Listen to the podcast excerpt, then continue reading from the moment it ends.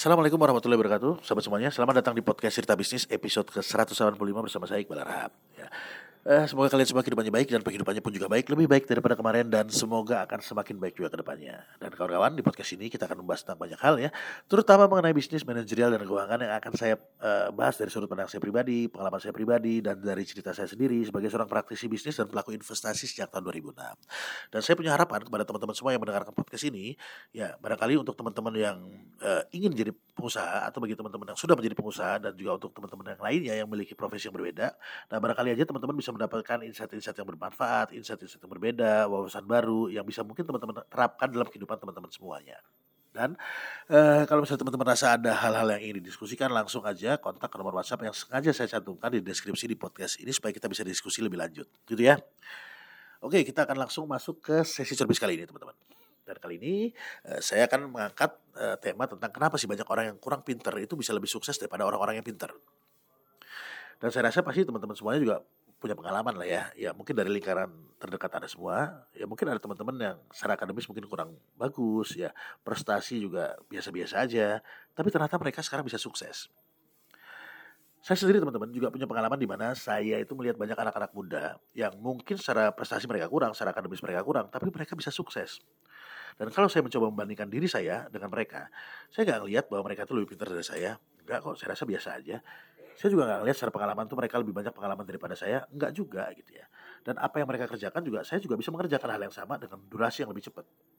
Tapi kenapa mereka bisa lebih sukses daripada saya? Nah kenapa bisa gitu? Ini kan harus kita cari latar belakangnya. Kenapa kok mereka bisa lebih sukses daripada kita? Dan ternyata ya menurut pengamatan saya banyak orang yang bisa sukses ini karena beberapa hal teman-teman ya. Ada banyak faktor lah ya, ada banyak variabel ya. Tapi dari banyak variabel itu ada dua hal yang bisa mendapatkan perhatian khusus dari saya. Yang pertama adalah bahwa mereka itu rajin bertanya dan mereka itu nggak malu untuk minta masukan dan arahan dari orang-orang yang sudah sukses. Jadi mereka itu bisa mengambil intisari keberhasilan dari orang-orang yang sudah sukses dan mereka itu belajar untuk nggak ngambil langkah-langkah kegagalan dari orang-orang tersebut. Karena apa? Karena orang yang sudah sukses, ya mereka itu orang-orang sukses tadi itu pasti sudah pernah menjalani suatu proses panjang ya.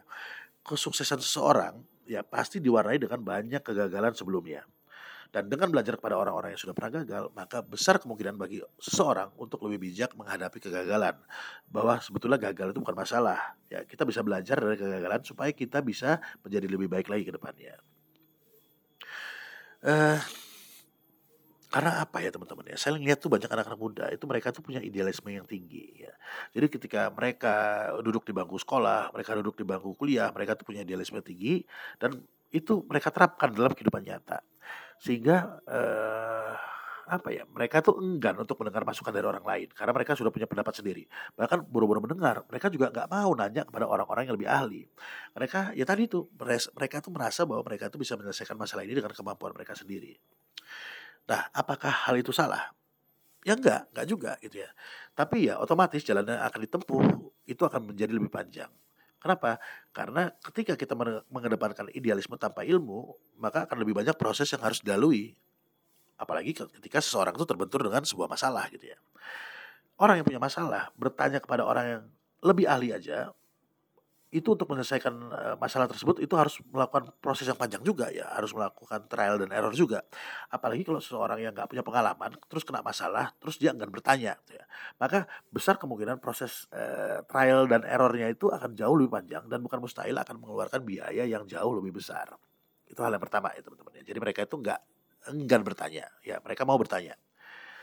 Yang kedua ternyata mereka itu supel dan mudah bergaul jadi gini teman-teman ya, saya amati bahwa anak-anak muda yang sukses itu mereka itu supel dan mereka itu mudah bergaul. Sehingga banyak orang-orang yang suka dengan mereka. Uh, jadi saya punya pengalaman tentang hal ini ya. Uh, salah satu olahraga yang saya tekuni saat itu, kenapa saya bilang saat itu? Karena ini sudah ya mungkin 10 tahun yang lalu lah ya. Jadi saya tuh suka main tenis. Ya, dan rekan rekan-rekan saya bermain tenis itu tentu orang-orang yang rata-rata punya ya bukan orang sembarangan lah ya mereka orang yang cukup. Orang yang cukup itu artinya mereka punya kedudukan baik itu di sebuah perusahaan ataupun mungkin bisa jadi mereka itu pemilik perusahaan. Dan ya memang saya nggak begitu kenal dekat dengan teman-teman dengan mereka ya ya hanya kenal di lapangan doang. Nah kebetulan di kelompok ini ya di kelompok kita ini ada seorang anak muda. Waktu itu dia masih duduk di bangku kuliah belum lulus Nah, si anak muda ini rutin datang ke lapangan tenis ya. Kadang ikutan main, kadang hanya nonton doang. Dan saya lihat si pemuda ini sangat supel teman-teman, sangat bersahabat. Jadi dia tuh bisa dekat dengan uh, semua pemain yang lainnya. Bahkan untuk sekedar ngobrol, kadang itu uh, dia tuh mau repot untuk bantu ngambilin bola, kadang bantuin untuk jadi wasit. Dan tentunya hal ini menarik perhatian peserta yang lainnya. Jadi simpatik gitu loh orang-orang. Hingga suatu saat ada se seorang kawan yang mereka eh, orang kawan ini juga pemain tenis ya yang rutin ikut di kelompok kita. Itu kawan ini bertanya sama si pemuda tadi, "Dek, kamu habis lulus mau ke mana?" Kalau kamu belum ada gambaran, ketika kamu lulus, mending kamu ikut kerja aja di perusahaan saya. Ya, gitu. Nah, dari cerita tadi, ya dari kisah tadi, itu saya bisa ngambil kesimpulan bahwa kesempatan itu bisa dibuat, gak cuma sekedar ditunggu. Dan saya juga kagum ya, saya memuji bahwa e, cara si pemuda itu cukup hebat lah. Ya, dia tuh ada effort yang dilakukan sehingga dia bisa menarik simpatik orang, sehingga dia bisa mendapatkan pekerjaan. Dan baru uh, berapa bulan yang lalu saya dengar dari teman-teman ya bahwa si pemuda ini sekarang sudah menjadi apa ya? Mungkin supervisor ya atau manajer di perusahaan tempat dia bekerja tadi. Ya artinya masih bekerja juga di perusahaan yang sama. Jadi dari sini sebenarnya kita eh, nggak perlu heran ya kawan-kawan ya. Kita nggak usah kaget. Kenapa sih orang-orang yang kita lihat secara kemampuan itu berada di bawah kita, tapi mereka tuh bisa lebih sukses daripada kita. Ya ternyata mereka itu supel, mereka tuh banyak bergaul, mereka tuh berteman banyak, dan mereka tuh nggak segan untuk bertanya, dan mereka nggak segan untuk belajar dari orang lain. Jadi kalau misalnya kita belum sukses juga, belum belum puas dengan kedudukan kita sekarang, ya atau uh, ya kita ngerasa diri kita belum sukses lah ya. Itu hal yang perlu kita tanyakan kepada diri kita. Kenapa sih kita kok belum sukses? Apa yang salah dari kita? Apakah kita enggan bertanya? Apakah kita kurang supel? Apakah kita kurang berkawan banyak? Ya, evaluasi di diri apa? Lakukan evaluasi di diri kita dulu, baru kita uh, mencoba uh, mencari jalan keluarnya ke depannya. Jadi gitu teman-teman ya. Jadi ya mungkin gitu doang ya uh, tentang servis kali ini.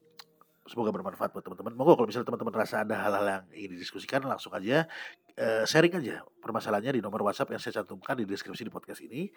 Kita bisa bahas dan bisa jadi uh, masukan dari teman-teman, pertanyaan dari teman-teman akan saya angkat menjadi bahan uh, cerita bisnis untuk episode-episode ke depan. Itu teman-teman semuanya. Ya, uh, semoga bermanfaat lah ya buat teman-teman yang mendengarkan, terutama buat saya pribadi sebagai pengingat diri. Saya cabut dulu sampai jumpa di episode service berikutnya. Assalamualaikum warahmatullahi wabarakatuh.